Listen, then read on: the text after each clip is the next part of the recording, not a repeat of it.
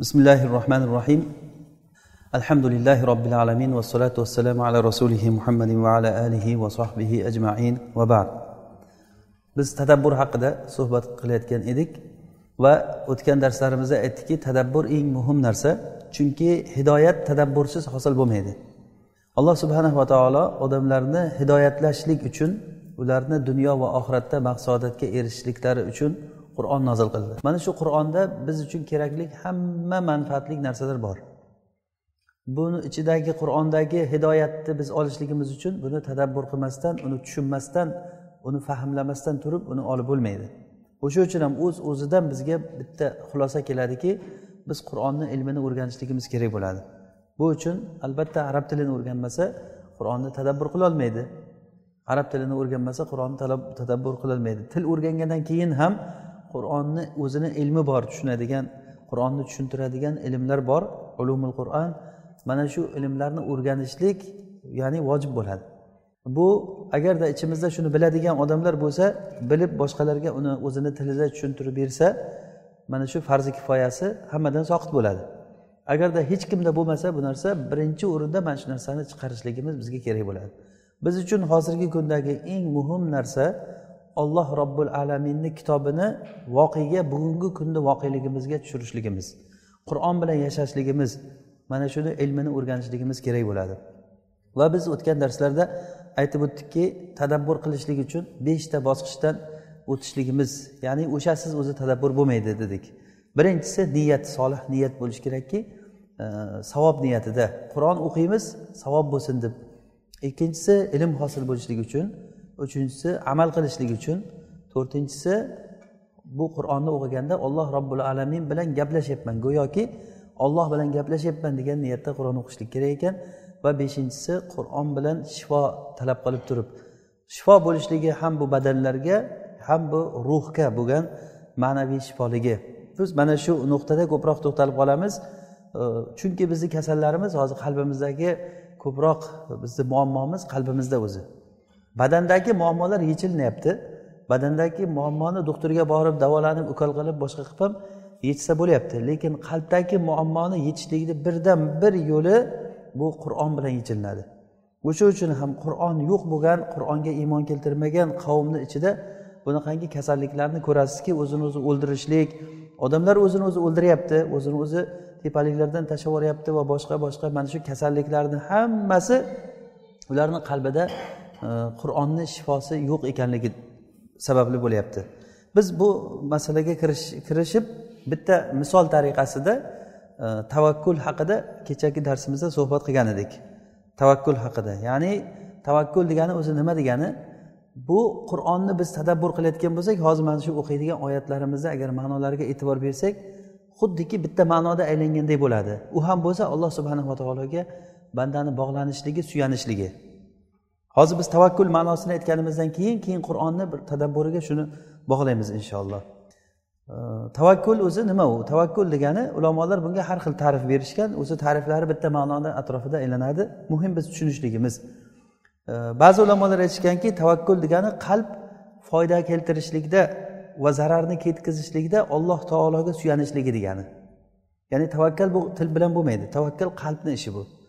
Qalb odam ich iç ichidan olloh taologa suyanadiki bir foyda kelishligida va ziyonni ketkazishligida.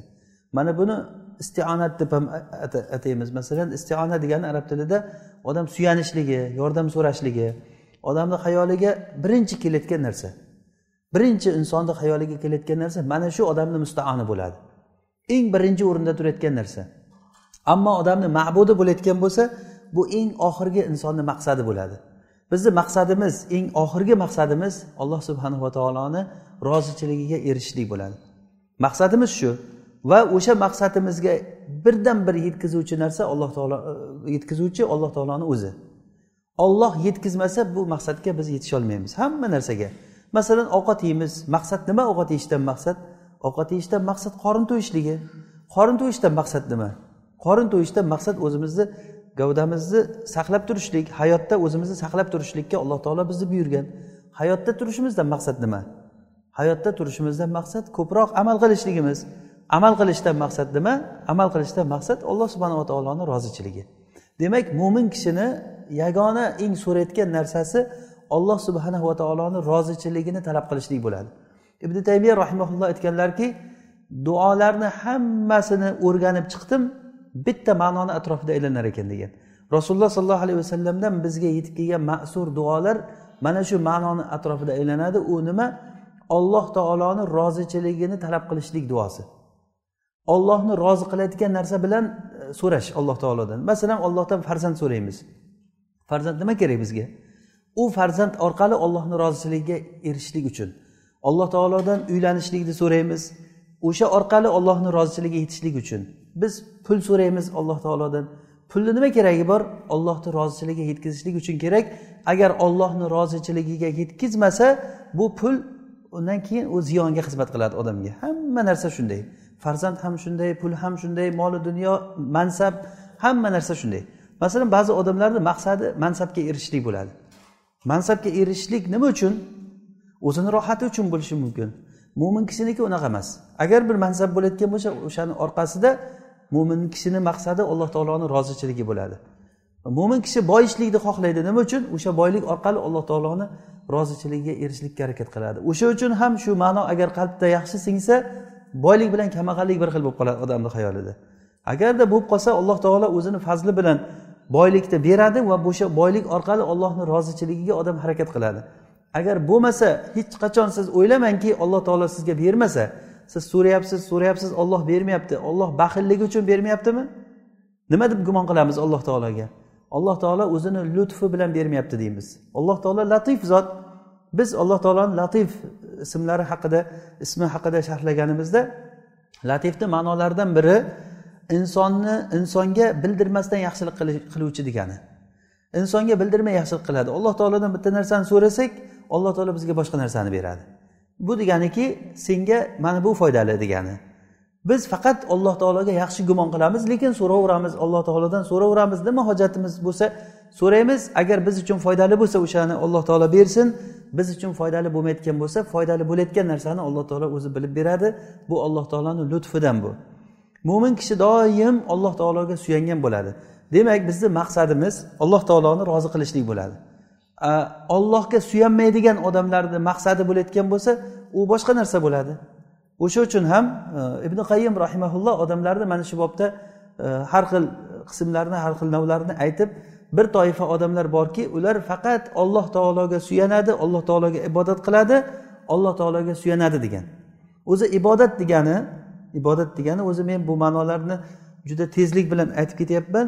Bular uchun har bittasi uchun ko'proq ko'proq to'xtalishimiz kerak o'zi. Aslida ibodat ma'nosi alloh taologa to'la muhabbat bilan to'la xorlikni jamlanishligi degani. Ya'ni zul kamalul hubbi maa kamali zul. Arab tilida shunday aytiladi. Kamalul hub maa kamali zul. Ya'ni komil muhabbat qo'shilingan nimaga? Komil o'zini past olishlikka. Muhabbat bo'lmasa ibodat ibodat deyilmaydi. Ibodatni ikkita rukni shu. Ibodatni ruhi shu. Agarda muhabbat bo'lmasa masalan namoz o'qiyapsiz namoz o'qigan paytda odamni qalbida muhabbat bo'lmasa u namozdan foyda yo'q. Foyda yo'q quruq charchashdan boshqa narsa bo'lmaydi. Agar namoz o'qigan paytda o'zini xor olish bo'lmasa u ibodatdan ibodat emas u narsa. O'zini xor olishlik bu ibodatni eng katta rukni bu lekin bu rukunni afsuski ko'p odamlarda topolmaymiz buni. Ibn qayim rahimaulloh shu bobda bir ajib gapni aytgan ekanlar. Aytadilarki men hamma eshiklarni taqillatib ko'rdim. Hamma eshiklarni oldi zahma odamlar bilan to'la ekan. Namoz eshigidan borsam hamma odam o'sha eshikka borib olgan. Yaqinlashib bo'lmaydi. Hamma namozxon. Ro'za eshigidan bordim ro'zani eshigi to'la. Sadaqot eshigidan borsam sadaqotni eshigi to'la. Ehson eshigi to'la. Hajni eshigi endi toza bilasizlar. Hamma haj umraga o'zini uradi. Haj umraga o'zini uradi. Hamma eshiklar odamlar bilan zahma. Faqat bitta eshikka qarasam bo'sh turibdi hech kim yo'q. Taqillatdim bemalol ochildi hech qanday navbatsiz kirib ketdim degan. Bu eshik zul xorlik ya'ni o'zini xor olishlik eshigi. Hech kim yo'q ekan yerda degan. Kirdim va o'zimni izzatimni o'sha joyda topdim degan. Haqiqatdan ham hozirgi voqelikda odamlarni hayotiga qarang namozxonlardan ko'pi yo'q. Ro'zadorlar ana endi ro'za bo'ldi deb hammamiz ro'za tutyapmiz alhamdulillah. Namoz o'qimayotgan odamlar ham ro'za tutadi. Namoz o'qimayotgan ro'za tutmayotgan odamlar ham hajga boradi. Zakot berayotgan odamlar ko'p sadaqat berayotgan odamlar ko'p lekin bo'shab yotgan bitta eshik bu zul o'zini xor olishlik eshigi. Alloh subhanahu va taologa o'zini odam muhtojligini e, namoyish qilishlik eshigi. Mana bu eshikda hech kim yo'q ekan. Lekin vaholanki bu eshikdan kirsangiz bizni azizligimiz bandani azizligi o'sha joyda bo'ladi. Alloh subhanahu va taolo eng ulug' maqomda abd deb turib qul deb turib o'sha eshikni aytgan. Subhanallazi asro bi abdihi fa avha ila abdihi ma avha eng ulug' maqomda mana isro merojda o'zini bandasini qulini masjidil haromdan masjidil aqsoga alloh taolo sayr qildirdi deb aytgan. O'zini quliga alloh taolo vahiy qilgan narsani vahiy qildi. Fa avha ila abdihi ma avha alloh taolo o'zini bandasiga abd deb aytyapti alloh taolo. Quliga o'zini quliga vahiy qilgan narsasini vahiy qildi. Qayerda? Malaul ala eng tepa osmonda. Hatto jibril ham borolmayotgan joyda. Rasululloh sollallohu alayhi vasallamni alloh taolo o'ziga yaqinlashtirdi. Hatto jibril alayhissalom ham u yog'iga o'tolmay qolgan. Rasululloh bilan alloh taolo e, o'shanda vahiy qilgan paytida faavha ila abdihi o'zini bandasiga deyapti. Demak biz uchun eng muhim narsa qalbimiz alloh subhanava taologa suyanishligi bo'ladi. Juzjaniy rahimaulloh tavakkulni ta'rifida aytgan ekanlar. Tavakkul degani ollohni huzuridagi narsaga ishonishlik va bandalarni huzuridagi narsadan noumid bo'lish degani. Tavakkul degani ollohni huzuridagi narsaga ishonish. Bima indalloh val yasu bima fi aydin nas. Odamlarni qo'lidagi narsadan noumid bo'lishlik degani. Ana shu odam haqiqiy qalbi alloh taologa bog'liq odam bo'ladi. Qur'ondagi agar biz sen tadabbur ma'nosi bilan buni bog'lasak qur'ondagi hikoyalar qur'ondagi bo'layotgan holatlarni agar oyatlarni kelishligini biz tadabbur qilib tursak mana shu ma'no atrofida aylanadi. Ollohni huzuridagi narsani talab qil odamlarni huzuridagi narsadan sen behojat bo'lgin degan. Rasululloh sollallohu alayhi vasallamni tarixini biz varaqlab qarasak mana shu ma'no atrofida aylanadi. Faqat rasululloh sollallohu alayhi vasallam alloh taologa suyanganlar. G'orda o'tirgan paytlarida abu bakr roziyallohu anhu bilan birga o'tirganlarida abu bakr aytdilarki ya rasululloh agar bittasi oyog'ini tagiga shunday qarasa bizni ko'radi degan. Savur g'orida shu g'orga borib agar borgan odamlar bo'lsa g'orni ikkita teshigi bor bu pastki tomondan va tepa tomondan bir teshigi bor. Mushriklar tepa tarafidan kelgan. Tepa tarafdan kelganda shunday g'or oyog'ini tagida teshikdan ko'rinib turadi. O'zi inson yurganda bo'lib ham toshli joyda yurganda osmonga qarab yurmaydi oyoq tagga qarab yuradi. Oyog'ini tagiga qarasa oyoq bosayotgan joyga qarasa bizni ko'radi degan. Lekin alloh subhanava taolo ularni ko'zini burib qo'ygan. Shunda abu bakr roziyallohu anhu hatto yig'lab yuborganlar. Holat qattiq kelganligidan abu bakr o'limdan qo'rqib yig'lamagan. Rasulullohni hayotiga risolatni taqdiriga yig'lagan. Agar rasulullohni hozir o'ldirayotgan bo'lsa nima bo'ladi bundan keyin deb yig'laganlar. Shunda rasululloh sollallohu alayhi vasallam aytdilarki siz ikkita odam bor uchinchisi olloh bo'lsa ularga gumoningiz qanday? degan. Ya'ni biz ikkita bo'lsak uchinchimiz olloh degan. Xotirjam bo'lavering bizni ko'rmaydi ular degan. Shunchalik rasulullohni tavakkullari nihoyat darajada ya'ni eng qanday bo'lish kerak bo'lsa shuni ko'rsatib berganlar rasululloh. Biz uchun rasulullohda juda katta namunalar bor. Bizga hozir eng katta yetishmaydigan narsa mana shu narsa yetishmaydi. Alloh subhanahu va taoloni huzuridagi narsaga ollohni qo'lidagi narsaga ishonishlik. Agar hozir valillahil masalul ala bir masalan davlat rahbari shu jamoatni ichiga kelsa kelsadan keyin mana shu oy tugashi bilan sizlarni hammalaringga nima kerak desa aytsak man menga nima kerak? Hammamiz bilamiz nima so'rashdi masalan. Ha falon narsa ber deb aytamiz. Bo'ldi va'da beraman sizlarga mana shu narsa bo'ladi. desa qanchalik shod bo'lamiz biz? Masalan ishonamizmi yo'qmi o'shanga? O'zi bir vositasiz o'zi kelib aytsa agar hamma ishonadi bo'ldi o'sha beradi deb turib o'sha oyni oxirini kutishni boshlaydi. Qani tezroq o'sha vaqt kelsayu o'sha narsaga biz hosil bo'lsak. Alloh subhanahu va taolo valillahi masalul ala bizga va'da qildiki mana shu oyda sizlarni mag'firat qilishlikni. Biz sizlarni mag'firat qilaman deb turib abu hurayra rivoyat qilgan hadisda rasululloh sollallohu alayhi vasallam aytdilarki har kechasida ramazonda alloh taoloni ozod qilayotgan odamlari bo'ladi. Ya'ni fi kulli layla. Har kecha alloh taolo kimlarnidir ozod qiladi do'zaxdan. Alloh taolo o'shalar safidan qilsin. Bir kun emas bir kuni o'sha narsaga ilinib qolaylik. Alloh taolodan qattiq umid qilsak alloh taolo noumid qilmaydi inshaalloh. Ollohni huzuridagi narsaga suyanishlik bu nihoyatda katta bir baxt bu narsa. Rasululloh sollallohu alayhi vasallam hijrat qilib ketishliklarida suroqat ibn malik suroqa uh, arab mahallalaridan u eshitganki makka mushriklari rasulullohni bo'yniga yuzta tuya va'da qilganligini u tuyani olishlik uchun qiziqib turib qavmiga bildirmasdan rasulullohni abu bakr bilan ketishligini o'zi bir payqab qolganda orqasidan tushgan. Hech kimga bildirmasdan o'sha tuyaga boshqani sherik qilgisi kelmagan. Borib o'zim ushlab turib topshiramanda tuyalarni olaman deb o'ylagan. Rasulullohni ortidan borgan o'shanda uni ketishda otini oyog'i yerga kirib ketadi. Otini oyog'i yerga rasululloh sollallohu alayhi vasallam ketaverardilar qur'on o'qib ketyaptilar. Abu bakr qo'rqqanligidan rasulullohni holatiga qo'rqqanligidan tez tez orqasiga qaravergan orqasiga tez tez tez qaravergan rasululloh bo'lsa orqalariga qaramagan. To'g'ri qur'on o'qib bemalol qur'on o'qib ketaverganlar. Shunda suroqani oti cho'kib ketgan yana chiqqan yana ozroq yurgandan keyin yana cho'kib ketgan. Bu takror takror bo'lgandan keyin keyin bilganki bo'ldi men menga bunga yo'l yo'q. Keyin omonlik deb so'ragan e to'xtanglar omonlik degan. Rasululloh sallallohu alayhi vasallam to'xtaganlar suroqqa kelgan o'shanda gaplashganlar rasululloh bilan va o'shanda rasulullohga aytganki nima yordam beray sizlarga deganda hech qanaqangi yordaming kerak emas agar qo'lingdan kelsa bizni xabarimizni yoshirgin degan. Ya'ni shu bunda birdan yordam so'rab bizga ulov ber yo boshqa ber e, deb turib o'zini hojatini aytib ketmaganlar unga ham. Qo'lingdan kelsa bizni xabarimizni yashirgin degan. Shunda ba'zi bir e, rivoyatlarda keladi bir rivoyatni san'atida zaiflik bor deyiladi lekin istenos uchun shu narsa aytishlikka e, loyiq deb bilaman. Suroqaga rasululloh sollallohu alayhi vasallam aytgan ekanlarki ey suroqqa agarda sen kesroni bilak uzugi qo'lingda bo'lishligida holatiga nima deysan deganlar. Shunda qaysi kesroni aytyapsiz? Kesro ibn hurmuzni aytyapsizmi? Ya'ni kesro hozirgi masalan e, aytaylik amerikani prezidenti degani. O'sha masalan u katta imperiya o'sha imperiyani kattasi bo'lgan. O'shani aytyapsizmi deganda shuni aytyapman degan. Hali bir kun keladi shu seni qo'lingda bo'ladi degan. Bo'lmasa qancha yashashi mumkin? Suroqa. Rasulullohni ollohni va'dasiga ishonchi shuncha bo'lgan. Qisqa vaqtni ichida makkada shuni e, da'vat qilib turgan paytlarida uchragan odam rasulullohni so'kar edi makka ko'chalarida yurishlik paytda rasulullohga nihoyat darajada qiyin bo'lgan.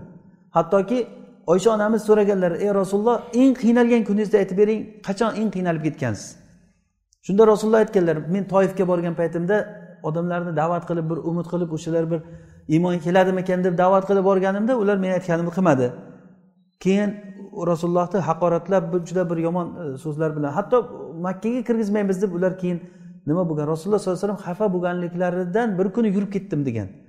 Yurib ketdim o'zim qayerga ketganimni bilmayman. Bir joyga borib qolgan ekanman keyin qarasam degan. Makka ko'chalaridan yurib ketganlar. Ya'ni o'shanday qiynalgan kishi qisqa vaqtni ichida masalan yigirma uch yil davomida deydigan bo'lsak bunda qanday azizlikka chiqdi? Rasululloh mana shu ollohni va'dasiga ishonchi to'la komil edi. O'sha uchun ham suroqaga mana shunday va'dani berganlar. Umar ibn hattobni davriga kelganda kesroni sindirdi. Kesroni sindirdi. Hattoki yazdajirt o'sha kesro forsni nimasi katta yazdajirt ustidagi o'zini boshidagi toji bilan ustidagi to'ni bilan qochib chiqqan. Ochib chiqib qochib chiqib o'sha mavoronni har tarafga qarab qochgan.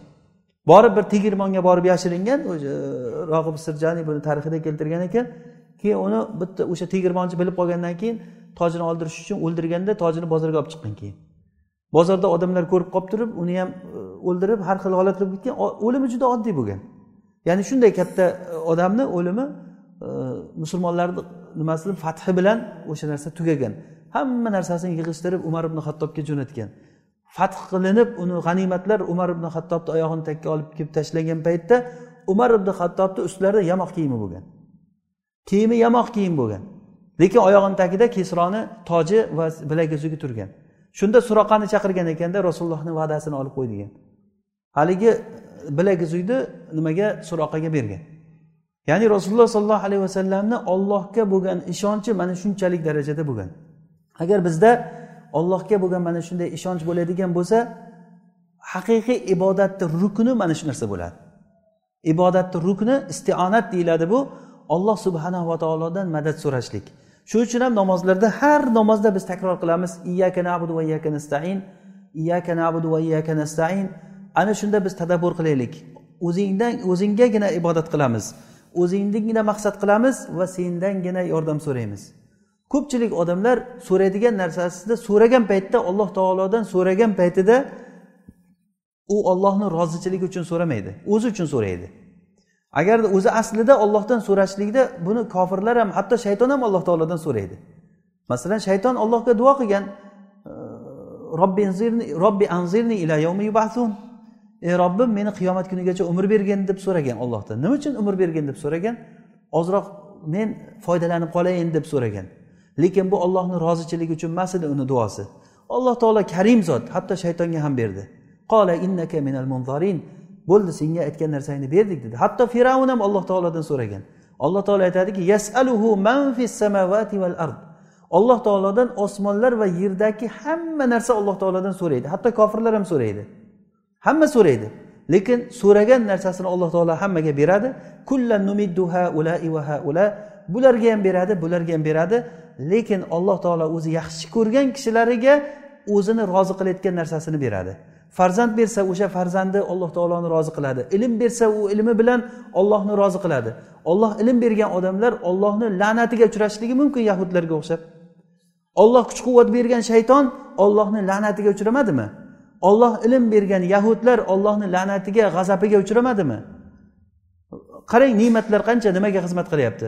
Ollohni ne'mati yaxshilikka ham xizmat qiladi yomonlikka ham xizmat qiladi. Biz mana shu uchun olloh subhanava taolodan faqat va faqat o'zini rozichiligiga yetkazayotgan narsani so'rashligimiz kerak.